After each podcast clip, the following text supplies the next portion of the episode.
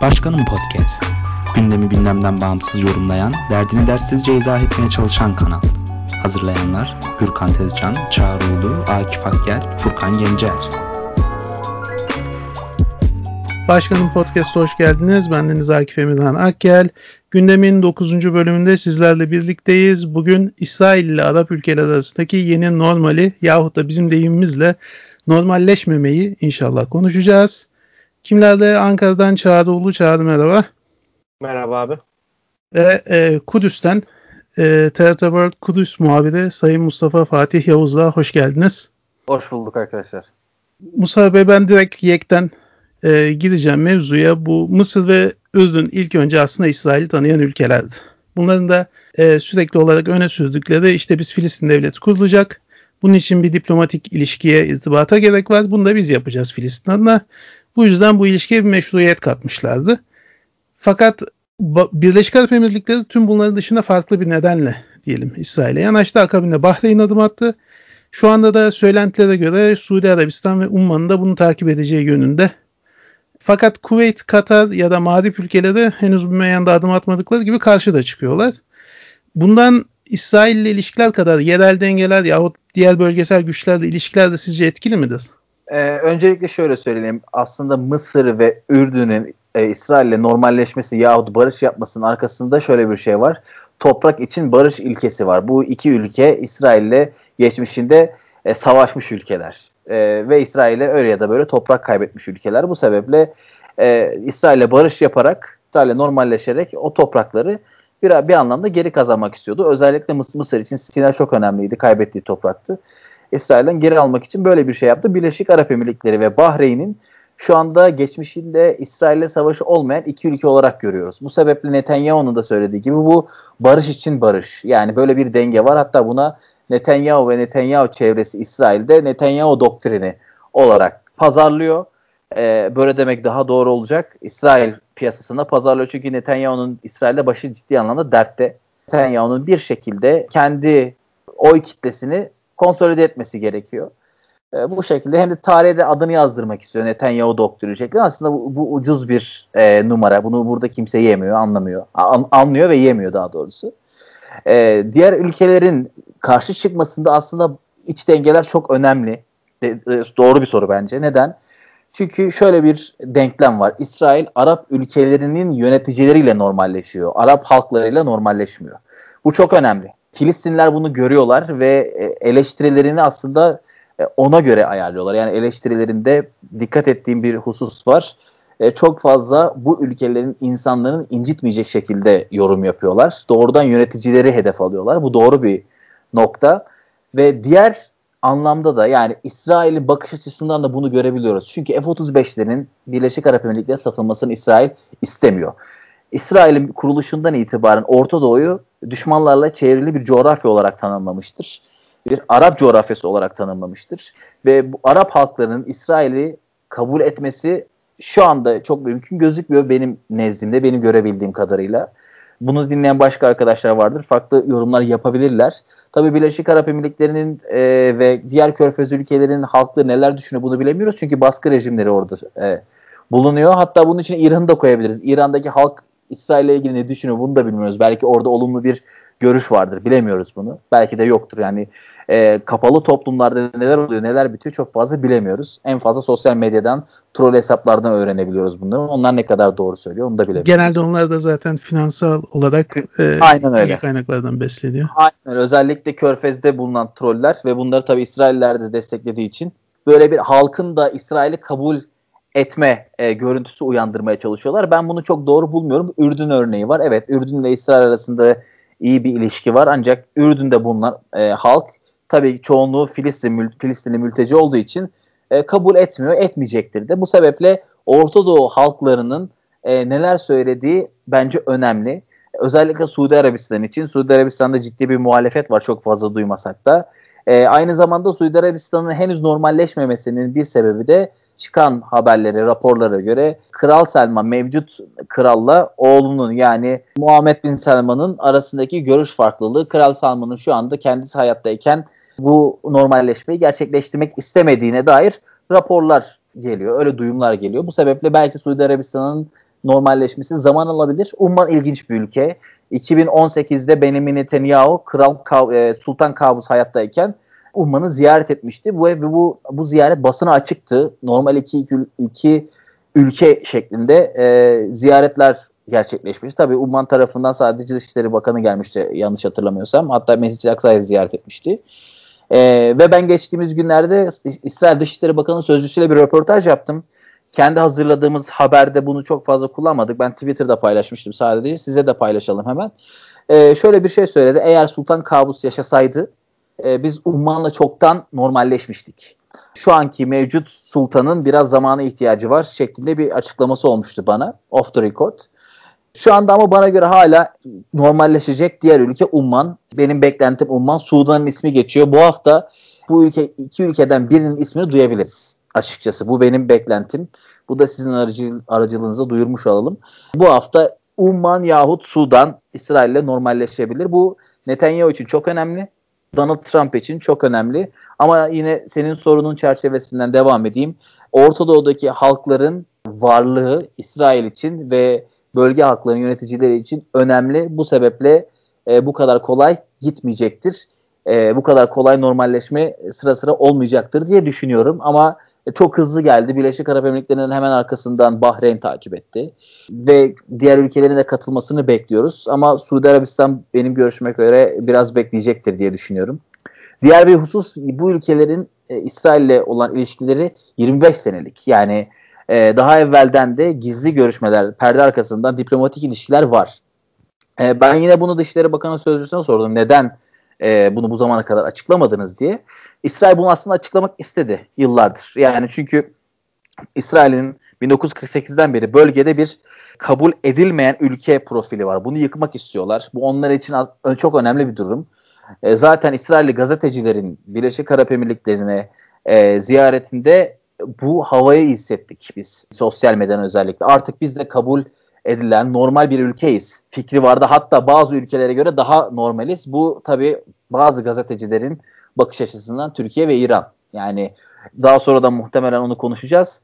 Ee, ülke burada Orta Doğu'da yeni bir denge oluşturuluyor. Bu dengenin bir kısmında bir karşısında Türkiye, İran e, ve aslında Katar olabilir. Bu sebeple Katar çok önemli bir ülke. Onu daha sonradan bahsederiz. E, diğer tarafta da Amerika'nın kurmak istediği moderate, normal, çok da nasıl diyelim ekstrem olmayan sözüm ona Körfez ülkeleri ve İsrail. Bunun karşısında Türkiye ve İran'ı koyuyorlar. E, Hamas da bunun çok farkında. E, Filistinler de bunun çok farkında. Filistin yönetimi ve Hamas bunun çok farkında. E, önemli bir gelişme. Hamas ve e, Fethi İstanbul'da bir araya geldi. Bir araya gelmek gelmeleri gerekiyor artık çünkü ya, çok yalnızlaştılar. Arap ülkeleri sırt, e, sırtını döndü ve İsrail gazeteciler de artık bunu Arap ülkeleri yine e, Filistinlere sırtını döndü şeklinde açıklamalarda bulundular. E, bu sebeple dengeler aslında e, evvelden e, değişmeye başlamıştı. Artık biraz bu malumun ilamı oldu. E, bu sebeple e, ilerleyen günlerde bunların daha da oturacağını söylemek yanlış olmayacaktır. Dengeleri daha net görebileceğiz ileriki günlerde. Ancak dediğimiz gibi Arap halklarının e, ne düşündüğü ve ne yapacağı e, çok önemli. Peki bu e, normalleşme anlaşmaları bölgenin yeniden dizayn edilme çabası olarak görülebilir mi? Kesinlikle öyle. Bölgenin yeniden dizayn edilme çabasının formalleşmesi olarak görülmesi gerekiyor. Zaten dizayn ediliyordu bölge. E, bunu nereden başlatabiliriz? Bunu Arap Baharı ile başlatabiliriz. 15 Temmuz'u darbe girişimini merkeze aldığımız zaman öyle bir bölge bölgesel okuma yaptığımız zaman e, Türkiye'nin de özellikle e, AK Parti yönetiminin egale edilmesi şeklinde okumak yanlış olmayacaktır. Bunu daha net görürüz çünkü Dahlan profili var. E, siz de çok iyi biliyorsunuz. Bir Dahlan profilimiz var. Birleşik Arap Emirlikleri daha sonradan Sırbistan'ın her ne kadar Vucic çok haberdar olmasa da bundan sözleşmeyi daha sonradan e, gördüğü belli oluyor videodan. E, Sırbistan'ın Kudüs'e e, elçiliğin taşıma girişimi diyelim yahut zorlanması diyelim. Bunların tam ortasında e, Muhammed Dahlan var. Muhammed Dahlan aynı zamanda 15 Temmuz'da e, parmağı olan bir e, bir kara prens diyelim Orta Doğu'da kara prens. E, bu sebeple Orta Doğu'da bir dizayn tabii ki de var. Bu dizaynın dediğimiz gibi bir aks şeklinde düşünelim. Bu aksta Körfez ülkeleri var, İsrail var, Mısır var. Bunun karşısında Türkiye ve İran var. Benim e, özellikle bireysel olarak tavrını merak ettiğim bir ülke var. O da Katar. Çünkü Körfez'den bir baskı görüyor şu anda. abluka var. Geçtiğimiz günlerde Amerikalı bir yetkili bu ablukanın yavaş yavaş kaldırılabileceğini söyledi. Çok ilginç bir gelişmeydi. Çünkü bu Birleşik Arap Emirlikleri ile İsrail'in normalleşmesi ilanından hemen sonra yapılmıştı. Çok fazla dikkat çekmedi. E, bu sebeple takip edenler için e, tavsiyemdir Katar'ın bu konuya dair e, ne söyleyeceğine dikkat etmek lazım. Merceği biraz Katar'a tutmak lazım. Hatta Hamas'tan bir yetkili Türkiye, İran ve Katar'ın bir cephe oluşturması gerektiğini söyledi. Bunu Filistinler de çok farkında. Artık bölgede ve kartlar yavaş yavaş açık oynanmaya başlıyor. Ama yine aynı şeyi söyleyeceğim. Arap halkların e, dediğine biraz kulak kabartmak kimse, lazım. Bunu ken- bunu kenara atmamak lazım. Evet. Kim, kimse önem vermiyor. Bu Dahlan dediniz madem oradan devam edeyim. Bu Dahlan'ın adı özellikle Filistin liderliği için Abbas'ın yerine geçmeye başladı yine.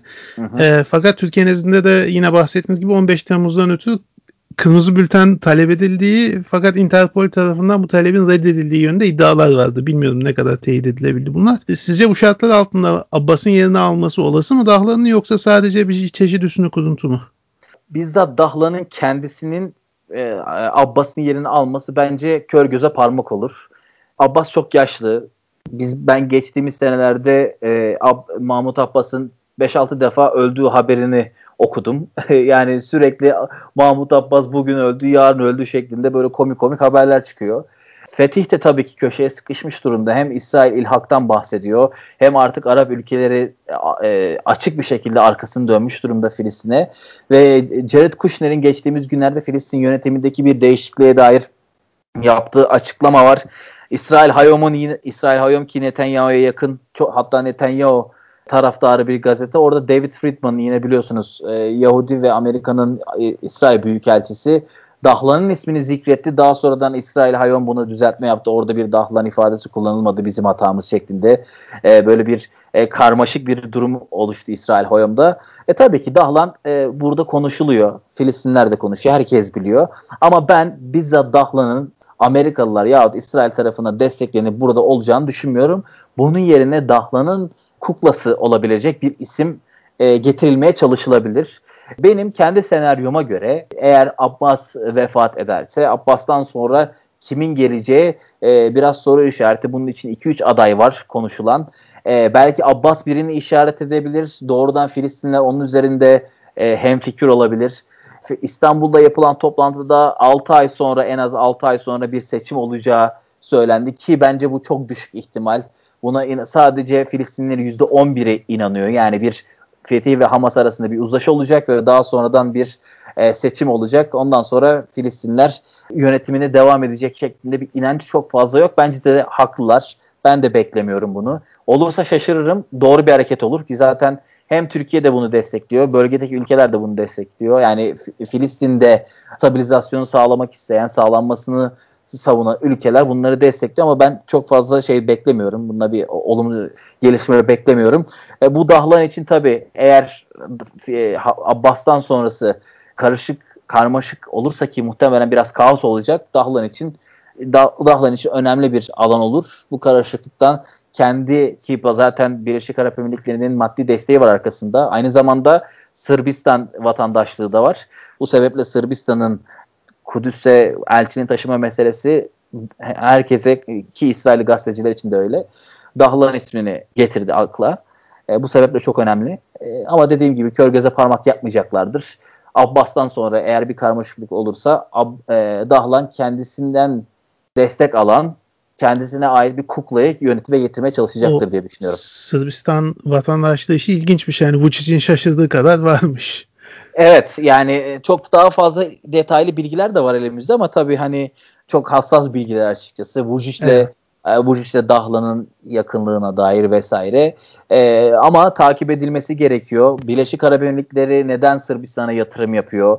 E, orada ne yapılmaya çalışılıyor? Bunlara tek tek bakmak lazım. E, ben gazetecilik perspektifinden baktığım zaman tabii ki bir dengenin devamı olarak görüyorum orada. Birleşik Arap Emirlikleri e, ve Körfez ülkeleri Dahlan'ı destekleyerek burada e, Filistin yönetiminin de kontrolünü ele geçirmeye çalışıyorlar. Bu çok net bana göre. Burada takip eden birisi olarak söylüyorum. Yanılabilirim. E, doğrudan içeriden bilgi almıyorum. Bu, bir, bu benim kendi analizim. Bu tabii ki Filistinleri de köşeye sıkıştıracak. e, yavaş yavaş İsrail'in Filistin'i yutmasına yardımcı olacak diye düşünüyorum. Burada bahsettiğimiz isim e, Muhammed Dahlan evet eskiden silahlı mücadeleye girişmiş ama elinde Filistinlerin de kanı olan biri. E, Filistinler tarafından e, mafyatik ilişkileriyle bilinen biri. Bunu artık gazeteciler de yazdılar, çizdiler. 15 Temmuz'da da parmağı var ve 15 Temmuz'da da Birleşik Arap Emirlikleri'nin finansını taşıyordu. E, bu sebeple dikkat edilmesi gereken bir isim ama tekrar edeyim bence kör göze parmak yapmayacaklar. Bu sebeple Dahlan'ı destekleyecek kim olabilir sorusunu sormak çok daha önemli Abbas sonrası için. 13 ee, Eylül 93'te e, imzalanan Oslo Anlaşması e, Filistin Kurtuluş Örgütü'nü Filistin'de otorite olarak tanıdı. E, bağımsız Filistin Devleti'nin kağıt üzerinde yolunu açmış oldu. Karşılığında da örgüt silahlı direnişini bıraktı gibi bir durum söz konusuydu ama neticede bu olmadığı gibi Filistin toprakları daha da çok işgal edildi. 2018'de Trump yönetimi örgütün Washington'daki ofisini İsrail'le yeterince diyalog kurmadığı gerekçesiyle kapattı. E, bugüne geldiğimizde bu anlaşmanın doğurduğu eskiyen Filistin yönetimi e, Arap Ligi'ni normalleşme konusunda protesto etmişti. Tepkinin herhangi bir karşılığı oldu mu e, üye ülkeler nezdinde?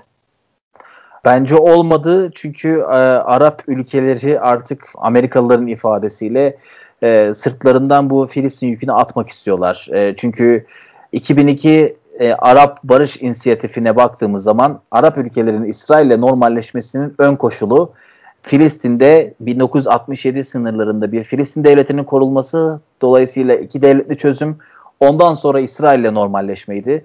Bu ana paradigmaydı aslında Arap ülkelerinin İsrail ile normalleşmesi için. E, bugün baktığımız zaman Birleşik Arap Emirlikleri ve Bahreyn bunu kırmış e, gözüküyor ve Arap e, Ligi'nin de özellikle Mısır'ın da bunu kınamayı reddetmesi bu paradigma değişikliğinin bir şekilde kabul edildiğini gösteriyor. Bu sebeple çok ciddi tepki yok Arap ülkeleri nezdinde. E, bu paradigma değişikliği neden? Asıl soru şu. Bu paradigma değişikliği neden oluşuyor? Benim kendi benim kendi cevabım biraz Amerika'daki seçimler. E, biraz da e, bu ülkelerin kendi rejimlerini e, koruması, koruma isteği. E, Amerika neden Amerika seçimleri neden önemli? Cumhuriyetçilerle demokratlar arasındaki fark Körfez ülkeleri ilişkileri nasıl etkileyebilir? Birincisi İran nükleer anlaşması. Demokratlar İran nükleer anlaşmasına e, Trump gibi yaklaşmayacaktır.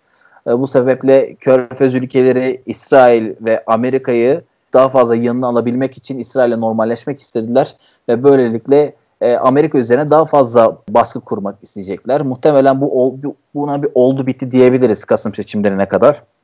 E, demokratları yeni bir e, Orta Doğu'da yeni bir denge bekliyor. Yani demokratlar şunu değiştiremezler artık.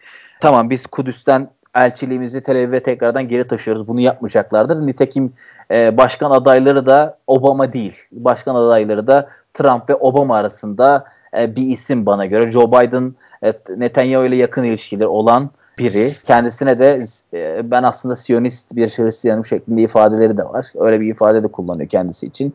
E, çok fazla radikal değişiklik olmayacaktır ama bence Körfez ülkeleri biraz e, Donald Trump kartını kullanmak istediler. Hazır o yönetimdeyken Netanyahu da aynı şeyi yapmak istiyor. Hazır o yönetimdeyken ilhakı gerçekleştirmek istiyor. Demokratlar çünkü bunu sağlamayacaktır diye düşünüyor. Ee, evet. Ben de tam bu noktada aslında şey soracaktım. E, malum işte Trump'tan bahsettiniz. Bir de İran nükleer anlaşmasından çekilmişti. Hatta şu ana kadar yapılmış en kötü anlaşma diyerek çekilmişti. Bu normalleşme girişimlerine ise bir çeşit siyasi başarı olarak görüyor ama e, mesela İran'a yaptığımla uyguladığında buradan iktisadi anlamda İran'ı bayağı bir zarar verse de e, siyasi olarak bir şey kazanamadı. Hatta İran'ın şu an tekrar nükleer zenginleştirme çalışmalarını döndüğüne dair raporlar var. Fakat seçim kısmını e, siz değinmiştiniz. Orada da mesela e, bir havaalanındaydı yanlış hatırlamıyorsam konuşma yaparken evangelistlerin ne kadar mutlu olduğundan bahsetmişti. Hem bu normalleşme girişimleri hem işte Kudüs'ün tekrar başkent olması vesaire. Yani iç siyasette buna da oynuyor hani. Fakat meselenin İsrail'den ya da Filistin'de nasıl görüldüğüne dair bizde en azından Türkiye'de pek bir yansıma yok. Yani ABD bu iç siyasetin İsrail'in kazanç sağlamaya çalışması oralarda nasıl görülüyor? Bundan rahatsız olan var mı ya da nasıl olsa kazanıyoruz diye mi bakıyorlar? Ee, İsrailler tabii tek bir görüşe sahip değil. Yani Evet, İsraillerin çoğunluğu Kudüs, Kudüs'ün Amerika tarafından başkent tanınmasına böyle çok ciddi tepki vermediler. Tabii ki de onlar için önemli. Yani bunu sağcılar da solcular da ben çok fazla tepki görmedim e, onlardan. Tabii bunlar için bir kazanım. E, ama asıl soru şu, e, İsrail iç siyaseti yani e, çok ciddi bir Netanyahu karşılığı var burada. Ama Netanyahu'nun yanında olanlar da çok güçlü. Bakın Netanyahu'nun başı şu anda çok ciddi dertte burada. Bilmiyorum takip edebiliyor musunuz? Birincisi yolsuzluk davaları var e, ve uzun sürecek. İsrail tarihinde ilk defa görevde olan bir başbakan yolsuzluk suçlamasıyla mahkeme önüne çıktı. Şu anda mahkeme heyeti de böyle bir durumda ilk defa karşılaşıyor. Eskiden önceki başbakanlardan Ehud Olmer ki kendisiyle görüştüm, röportaj da yapmıştım. O adam evet e, yargılandı ve onun sonunda hapishaneye girdi, hapse girdi, ceza aldı. Ama bu ilk defa oluyor. Muhtemelen yıllar sürecek. E, bunun yanında koronavirüs vakaları çok çok fazla arttı. Şu anda ikinci defa e, ülke geneli sokağa çıkma yasağı var. İşsizlik %4'ten %21'in üzerine fırladı. Yaklaşık 1 milyona yakın insan işsizlik maaşı talep ediyor. Netanyahu bunlarla uğraşmak zorunda. Ve bu sebeple aynı zamanda protestolar var Netanyahu, Netanyahu'ya e, karşı.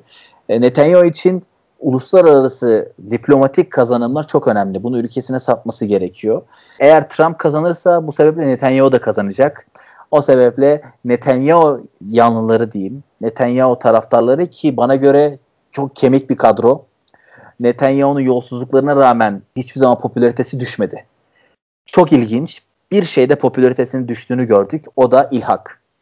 İlhakı gerçekleştiremediği için aşırı sağcılar e, Netanyahu'dan da sağ olan Naftali Bennett'e kaydı. Şu anda Naftali Bennett bir seçim olsa belki de e, hiç alamayacağı kadar yüksek oy alacak. İsrail'de beklentilere göre en son yapılan araştırmalara göre. Yani bu çok ilginç. Yani o kadar yolsuzluk davası oluyor, ekonomik kriz oluyor. Netanyahu'yu terk eden insanlar ilhakı gerçekleştiremediği için terk ediyorlar. Yani işgalci olmadığı için terk etmek onlar daha da önemli bir sebep. Yani şeydense bahsettiğiniz gibi işsizlik, yolsuzluk evet. vesaire. Çünkü bu, bu insanlar yerleşimci. Yerleşimciler biraz daha Netanyahu'ya tepki gösterdiler ilhakı gerçekleştiremediği için. Netanyahu da onlara bir mesaj verdi. Biz ilhakı bitirmedik yani e, tamamen do, e, dondurmadık sadece geçici süreliğine dondurduk diye. Onları da tabii ki tar- tarafında tutmak istiyor. Amerika tarafındaysa e, dediğim gibi demokratların e, seçilmesi Netanyahu için e, ciddi problem oluşturabilir.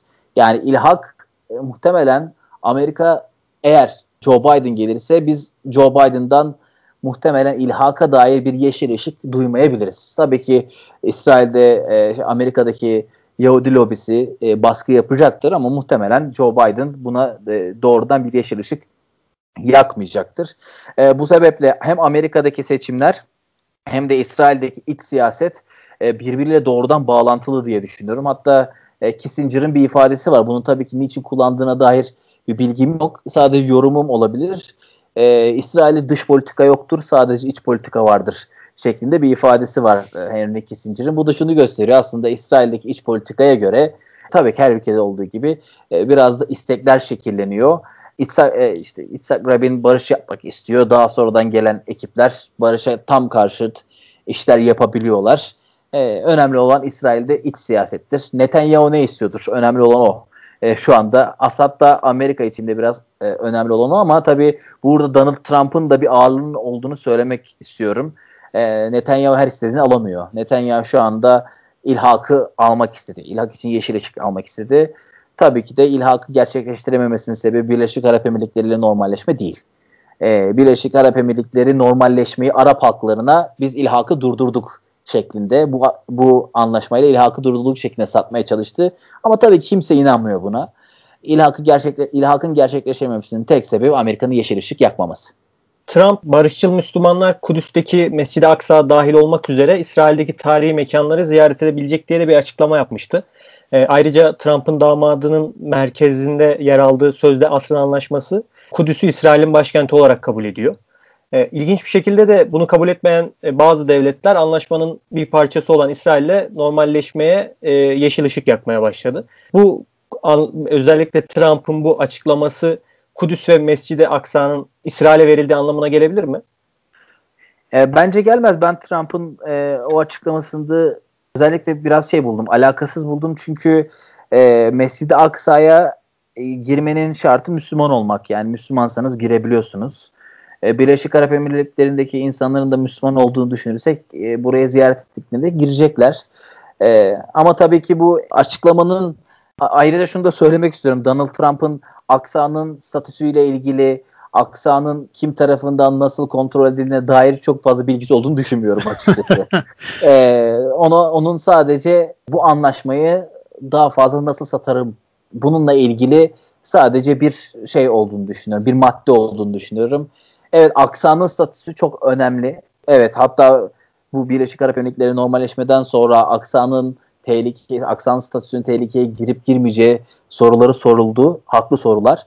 Ee, ama kimin nasıl davranacağıyla da alakalı. Birleşik Arap Emirlikleri aksanın statüsünü değiştirilmesi girişimine ses çıkarmama bu kadar ileri gidebilirler mi bilmiyorum açıkçası. Çünkü çok ciddi tepki aldılar. Bu bakın e, bizim tartıştığımız bugün ikinci intifadanın yıl dönümü. İkinci intifadanın çıkış sebebi de Aksa. Yani Ariel Sharon o dönem muhalefet lideri Aksa'ya giriyor ve ondan sonra e, bu Filistinler bunu bir provokasyon olarak algıla, algılıyorlar. Yani Aksa aslında çok hassas bir nokta. Yani bunun statüsünün açıkça bir açık bir şekilde değiştir, değiştirilmesine yeltenilmesi e, çok daha sarsıcı olacaktır diye düşünüyorum. Yani çok Trump'ın o açıklamasında böyle bir şey çıkacağını düşünmüyorum. Çekinceli de mi ona bağlıyorsunuz? Yani bir yandan İsrail'le normalleşmeye çalışırken öbür yandan işte büyük elçilikler mesela başkenti Kudüs kabul edip oraya taşımamalarında e, bir çekince var. Bunun da sebebinin bu olduğunu mu düşünüyorsunuz? Yani görülecek tepki mi? E, tepki önemli. Birincisi o. ikincisi hala iki, iki devletli çözümü satabilirler elçiliklerini Tel Aviv açarak. Biraz Arapları e, Araplara bir şeyler bir şeyler vermeleri gerekiyor. Filistinlilere bir şeyler vermeleri gerekiyor. Bakın biz iki devletli çözümden vazgeçmedik. Bunu demeleri gerekiyor. E, bu sadece görüntüde tabii ki.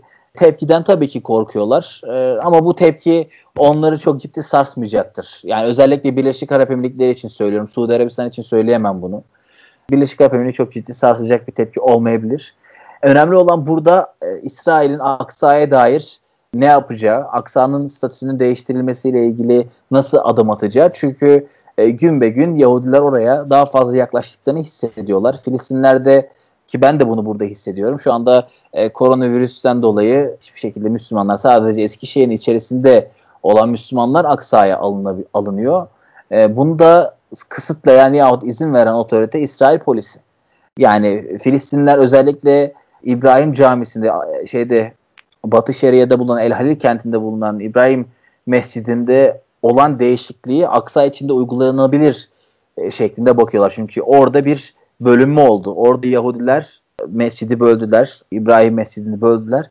Bu sebeple Filistinler aklında hep o mescidin hikayesi devam ediyor. Aynı şey Aksa içinde uygulanabilir diyor. Ee, Yahudiler içerisinde de bu var. Yahudiler de bunu yapmak istiyor. Size bir anımı anlatayım. İbrahim Hocam'la bir gün kafeye gittik. Bir konuşma yapıyoruz. İşte İbranice konuşma yapıyoruz. Ee, kendisi de çatışma çözümleme okuduğunu söyledi. Doktora yaptığını söyledi ama din konularıyla çatışma çözümlemeye yaklaşım e, üzerine çalıştığını söyledi. Bana bir dikdörtgen çizdi. Bak dedi bu aksanın avlusu. Hemen de ortasından bir çizgi çekti. Bunun dedi yarısını bize verirlerse yani verirseniz daha doğrusu böyle ifade kullandı. Verirseniz çatışma çözülür. Yani bu adamların hep niyetinde niyetlerinde bu var. Bu zaten bilinen bir şey. Bu adamlar boşuna aksayı kontrol etmiyor. Bu kadar çatışmaya boşuna yaşanmıyor. Ee, ilerleyen günlerde bakalım neler gösterecek ama ben dediğim gibi Birleşik Arap Emirlikleri bu kadar ileri gidebilir mi? Ben iyi niyetli yaklaşayım. Bu kadar iyi, ileri gitmezler diye düşünüyorum. Bu benim iyi niyetim. Kesinlikle bir bilgiye dayanarak söylemiyorum. Yani o kadar da yapmayın artık dediğim bir şey açıkçası yani. Kuşner'den az evvel bahsettik. Onunla alakalı bir nokta daha vardı değinmek istediğim. E, bu Brookings Enstitüsü'nde geçenlerde bir toplantı yapmışlardı e, bu süreçle alakalı. Orada konuşurken hani bu anlaşmalar işte İran'daki nükleer krizi hatta dedi böyle abartıp İslami radikalizmi de bertaraf edecek diye bir çıkış yaptı. Şimdi e, bu naif çıkarımlar sizce böyle saf dillikten mi geliyor yoksa bu anlaşmaya meşruiyet kazandırmak, destek artırmak için mi yoksa e, bambaşka bir sebebi mi var? Yani Amerika'da bu işi yürüten kişi olarak en azından kamuoyundaki yüz kuşlar e, bu çıkışı neye bağlıyorsunuz siz? İki türlü açıklamak isterim bunu. Birincisi Kuşner çok ciddi bir siyasetçi değil. Yani e, Yani siyasetin içinden gelen biri değil. Bu sebeple ifadelerinde daha açık olması beklenilir bir şey. İşte saf dillik değil. Bence biraz ağzından da kaçırabiliyor bazen bazı şeyleri. Hatta geçenlerde bunu yaptı. E, biz iki devletli çözümü kurtardık dedi. İki devletli çözümü nasıl kurtardıklarını sorduklarında şöyle bir şey söyledi. Eğer biz bu Donald Trump'ın Orta Doğu planını teklif etmeseydik İsrail Batı Şeria'yı yutacaktı şeklinde bir açıklaması vardı. Yani evet İsrail'in buradaki niyetini apaçık bir şekilde söylemiş oldu. Tabii bu saf dillik aslında onun yaptığı senin de bahsettiğin gibi saf dillik. Öbür taraftan da şöyle rasyonel bir durum var. İsrail, Amerika, Körfez ülkelerine aslında moderate ülkeler yani e, Türkçe anlamıyla nasıl ifade edebiliriz? E, çok daha ılımlı diyelim. ılımlı, ılımlı Hı-hı. diyebileceğimiz ülkeler olarak kodluyor. Halbuki bu böyle değil. Yani gazeteci Kaşıkçı'nın nasıl öldürüldüğüne bakıl, baktığınız zaman görürsünüz. Bu adamlar ılımlı hiçbir zaman olmadılar, olmayacaklar. Ama ılımlı ülkeler olarak servis ediyorlar artık bu ülkeleri. E çünkü neden? İsrail ve Amerika ile ilişkileri var. O Körfez ülkeleri de şunu çok iyi biliyor. Amerika'ya giden yol Tel Aviv'den geçer. E, bu sebeple al gülüm ver gülüm ilişkisi var. Peki e, şu anda olmasa bile ilerleyen yıllarda ılımlı olan bu ülkeler var. Peki ılımlı olmayan kimler olacak? Yani bu bir denge var burada. Bu da tabii ki herkes konuşuyor. Bunu sebeple açık, açık açık söylemek istiyorum. Türkiye ve İran. Neden? Çünkü Filistin meselesine karşı duruşları, İsrail'in planlarına karşı duruşları, Amerika'nın planlarına karşı duruşları çok net olan iki ülke. Ama bu iki ülkede de hala henüz istediklerini elde edemediler. İran'a ekonomik yaptırımlarla boyun eğdirmeye çalışıyor, çalışılıyor. Bana göre Türkiye'de de aynı şey uygulanmaya çalışıyor ama e, her iki ülkede de rejim farklı. Türkiye demokrat bir ülke. İran'da sözüm ona demokrat ama rejimi bana göre e, Türkiye'ye göre e, daha tabii ki çok daha katı. katı Teokrasi bir... demek aslında herhalde tabii, daha ideal tabii, olur. Tabii. Daha, Peki daha gerçekten İran Türkiye kadar e, Filistin meselesinde samimi davranıyor mu? Mesela ee, ben dışarıdan bir gözle baktığımda e, Türkiye'nin gerçekten hükümetimizin de bu Filistin meselesinde samimiyetine inanan bir insanım. İran gerçekten Türkiye gibi önemsiyor mu Filistin meselesini yoksa kendi çıkarları için bir e, dayanık olarak mı görüyor? Ee, benim kendi görüşüm ikincisi. Yani e, Filistinler nezdinde de çok fazla İran sesini duymuyoruz. İran ifadesini duymuyoruz açıkçası.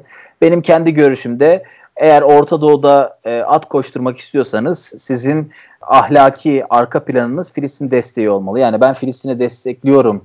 E, Filistin'e karşı işte İsrail işgaline karşı direniş ekseninin e, önemli bir parçasıyım diyerek Orta Doğu'da biraz at koşturabiliyorsunuz.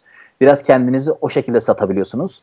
E, ben senin bahsettiğin iki seçenekten ikincisini tercih ederim. Bu, bu benim kendi kişisel görüşüm. Benim benim bu soruyu sorma sebebim de e, Suriye e, Savaşı'nda işlediği cürümler çok açık olan bir ülkenin Filistin meselesinde de samimiyetine inanmıyor olmam. O yüzden bu soruyu sorma gereği hissettim. Anladım. Yani benim benim e, kendi fikrim de bu. Bunu tabii rasyonel çerçeveden yapıyor. E, aynı zamanda tabii şöyle bir tarafı da var. Yani bunu atlamamak lazım. Hizbullah gerçeği var. Hizbullah Lübnan'ın güneyinde İsrail'le öyle ya da böyle görünürde de olsa bir donmuş çatışma halinde. Yani bir donmuş çatışma var ortada. Ama bana göre yine ortada birincil hedef İran'ın ve kendi ideolojik çerçevesinin çıkarları. E, Filistin değil. E, ben öyle düşünüyorum. E, başkası başka şekilde düşünebilir. Ama benim gördüğüm hikaye biraz bu. Senin bahsettiğin ikinci seçenek. Senin görüşüne biraz daha ben de katılıyorum. Yine bahs- şeye dönelim. E, bu aks meselesine dönelim. Burada Türkiye ve İran biraz şeye karşı ılımlı diyebileceğimiz Amerikalıların ılımlı dedikleri daha doğrusu bizim öyle öyle bir ifademiz yok. Biz öyle bir ifade kullanmıyoruz. ılımlı dediği ülkelere karşı e, pardon Türkiye ve İran'a karşı bu ılımlı e, e, Körfez ülkeleri İran şey özür dilerim İsrail ve Mısır ekseni var. E, bunu zaten Doğu Akdeniz'de de görüyorsunuz. Aynı ekseni. E, Libya meselesinde de görüyorsunuz. Filistin meselesinde de görüyorsunuz. Bana göre Türkiye ve İran bastırılmaya çalışılıp İsrail'in Filistin'e Filistin'i daha rahat yut, yutması sağlanacak. Asıl soru şu. Bunu biz aslında e, bunu beraber tartışabiliriz. Biz bunu buradaki gazeteci arkadaşlarla da tartışıyoruz. Bunu Körfez ülkeleri neden yapıyor? Benim iki tane fikrim vardı. Bir, kendi rejimlerini korumak mı istiyorlar? İki, Orta Doğu'da daha fazla etkin mi olmak istiyorlar? Üçüncü seçenek, kendi rejimlerini koruyabilme, koruyabilmeleri için Orta Doğu'da etkin olmaktan başka çare bulamadılar mı? Bu üç soruyu e, soruyorum kendime. İlk baş sadece ikisi üzerine durmuştuk ama İran'ın da baktığın zaman şöyle bir şey diyebilir. Eğer ben Tahran'da savaş, e, Suriye'de savaşmazsam Tahran'da savaşmak zorunda kalırım. Yani rejimimi korumak için Orta Doğu'da daha etkin olmak zorundayım. Herkesin böyle bir e, bakış açısı olabiliyor. Acaba Körfez'de bunu mu düşünüyor yoksa daha fazla etkin mi olmak istiyor?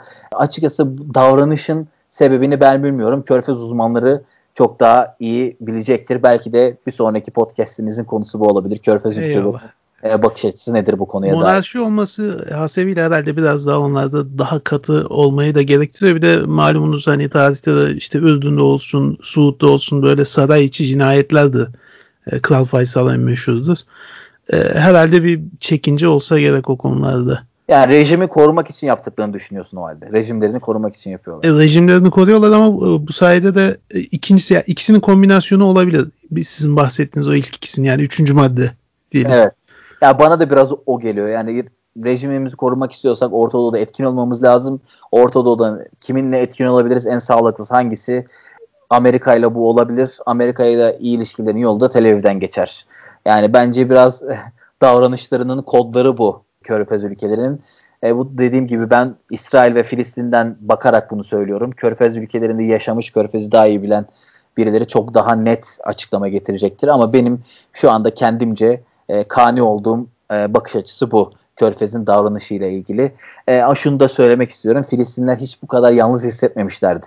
Çünkü Arap ülkelerinin varlığı ve Arap ülkelerinin İsrail'e en azından kağıt üzerinde 67 sınırını dayatmaya çalışmaları bir şeydi. Denge unsuruydu. İsrailler şey e, Filistinler için. Şu anda bu denge unsurunu kaybetmiş durumda Filistinler.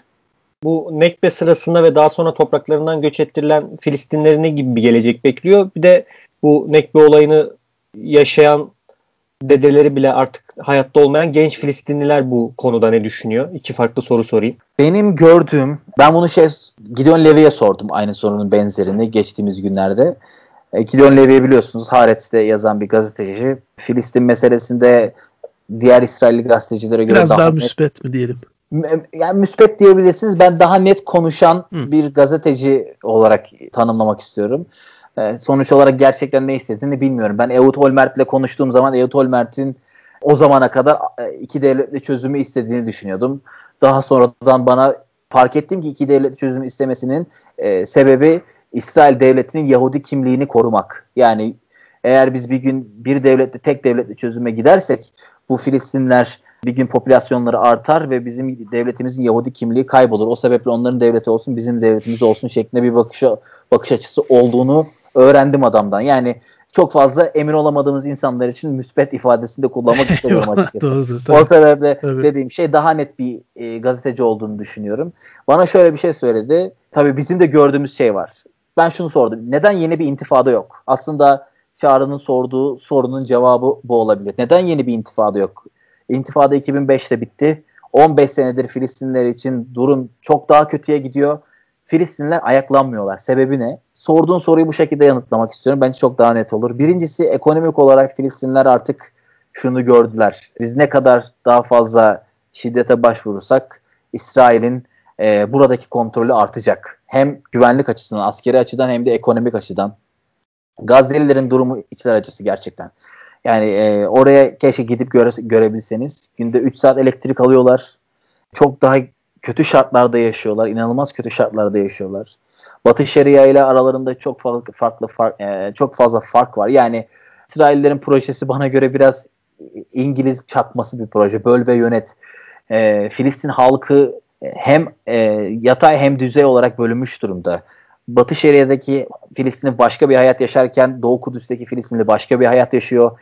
İsrail topraklarında yaşayan Filistinler, İsrail vatandaşı olan Filistinler başka bir hayat yaşarken Gazze'liler başka bir hayat yaşıyorlar. Bu insanların bir araya gelmeleri tek bir ses olmaları biraz zor. Şunu görüyorsunuz Fetih ve Hamas bile bir araya gelemiyorlar. İsrail bu sebeple başarılı bir proje yürütmüş. E, bu sebeple Filistinlerin ikinci madde olarak biraz direniş isteği kaybolmuş gözüküyor. Apolitik olan bir e, genç nesilden bahsedilebilir mi Filistinliler için? Ba- bahsedilebilir mi? Bu biraz zor bir soru. Yani bunu bir sosyoloğa sormak lazım ama benim gözlemlediğim daha çok Doğu Kudüs'te bulundum. öyle ya da böyle konu aksa olduğu zaman bu film yani hiç beklemeyeceğiniz daha çok arabalarla gezmek isteyen, nargile içmek isteyen adamın aksa meselesi olduğu zaman değiştiğini görüyorsunuz. Yani çok ciddi bir apolitik Filistin topluluğu göremiyorum ben. Filistin gençliği göremiyorum. Çünkü adamların artık hayatı siyaset. Yani yurt dışına çıkarken bu siyasetin e, nusalarını görüyorlar. Aksa'ya girerken görüyorlar. E, evlenmek istedikleri zaman görüyorlar. Okula gitmek istedikleri zaman görüyorlar. Apolitik olmaları çok zor aslında bu gençliğin. Ben biraz bunu Kafkavari e, görüyorum. Eğer Kafka'nın o Davam kitabını okuduysanız bence Filistin'i anlamak için e, biraz farklı bakacağım konuya. Filistin'i anlamak için iyi bir kitap. Çünkü bu adamların en önemli durumu şu. Geleceklerinden ve şu anda yaşadıkları mevcut durumdan emin değiller. Yani yarın ne olacaklarını bilmiyorlar. E, bu sebeple çok fazla risk alamıyorlar. Aynı zamanda yaşamak istiyorlar. E, yani şöyle düşünün.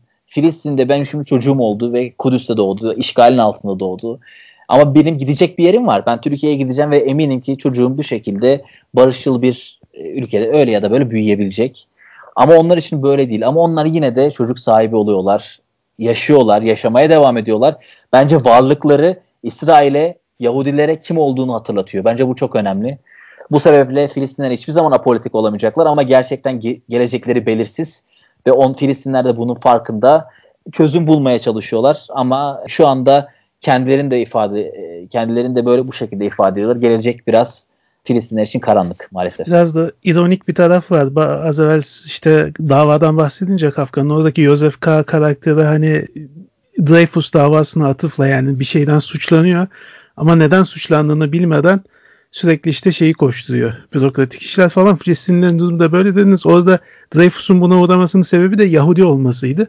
Tabii. Çok ironik bir durum olmuş hakikaten. Evet yani Filistinlerin durumu da bu. Ee, doğuyorlar ve ne olacak bilmiyorlar. Yani o Joseph Kahn'ın durumu biraz o.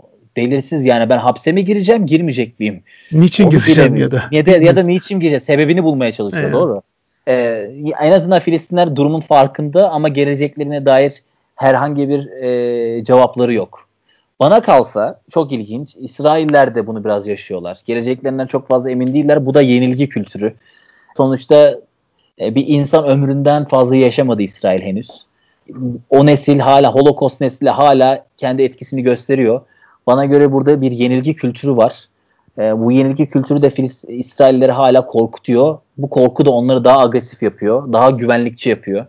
Bu da bence önemli bir husus. Yani Filistinlilere benzer bir tarafı var. E, aslında bana göre İsrailler e, kendine benzer bir topluluk oluşturdular. O da e, geleceklerinden emin olmayan bir topluluk. Seliman Yeni Acun'la yaptığımız programda da e, bahsetmiştim. Bir anekdot vardı David Grossman'ın başından geçen. Arap-İsrail savaşlarında bu e, işte radyolardan İsraillileri denize dökme e, söylemleri baş gösterince Grossman'ın yaptığı ilk iş gidip yüzme kursuna yazılmak oluyor. Hı hı. Bu bahsettiğiniz korku ikliminin işte e, herhalde bir yansıması olmuş. Evet. Öyle görünüyor. Evet. Peki evet. çok teşekkür ederiz katıldığınız için. Son söylemek istediğiniz bir şey var mıydı? Benim son söylemek istediğim bir şey yok. İnşallah e, programınız devam eder. Podcast'ler bu ara gerçekten çok faydalı oluyor. Özellikle pandemi sürecinde. Elinize sağlık. Bence renkli güzel bir iş yapıyorsunuz. Onun dışında inşallah pandemiden sonra gelmek isteyen arkadaşları da burada evimde ağırlayabilirim. Buyurun gelin inşallah. İnşallah. Ee, Filistin'de ziyaret etmek gerekiyor. Bunu atlamamak gerekiyor. Öyle. Benim hiç benim hiç yurt dışı tecrübem yok. Ee, ya Almanya'ya Akif abinin yanına giderim inşallah bir gün ya da e, sizin yanınıza gelmek nasip olur. İnşallah Çağrı baş üstüne. O zaman planı Eyvallah. yaptık. Çağrı önce buraya geliyor. Sonra inşallah Kudüs'teyiz. süper. Süper. Anlaştık. İnşallah anlaştık. Tekrar çok çok teşekkür ederiz katıldığınız için. Ederim. Dinleyicilerimize de çok teşekkür ederiz. Bir sonraki bölümde görüşmek üzere. Hoşçakalın. Hoşçakalın.